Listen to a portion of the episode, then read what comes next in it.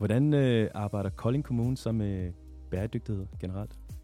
Kolding Kommune arbejder øh, rigtig meget med bæredygtighed øh, over alle forskellige forvaltninger.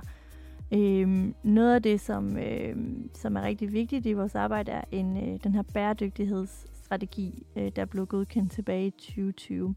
Den øh, har øh, to forskellige øh, elementer, som der er fokus på. Det ene det er øh, seks indsatsområder, hvoraf at øh, jeg er øh, ressourceperson på to af dem.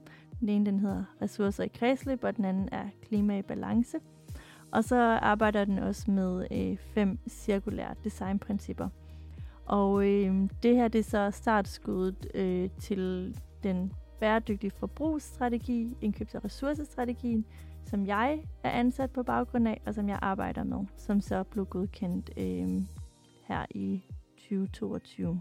Og lige for at dykke lidt mere ned i de forskellige indsatsområder, udover de to, du har nævnt, hvilke mm. andre indsatsområder arbejder I med? Ja, så der er øh, noget, der hedder sundhed og trivsel for alle. Øhm, og det er blandt andet med også, hvordan at øh, naturen kan have en gavnlig effekt. Øh, det kan også være omkring, hvordan sund, sundhed er også noget, der er vigtigt i, i forhold til bæredygtighed, at man har det godt.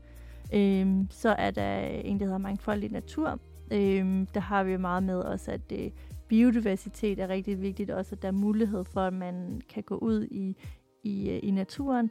Øhm, vand som ressource, og så også bæredygtige fællesskaber, øhm, som er at de fire andre, øhm, ud over ja, ressourcer i kredsløb og, og klima i balance, som er dem, jeg, jeg arbejder ind under.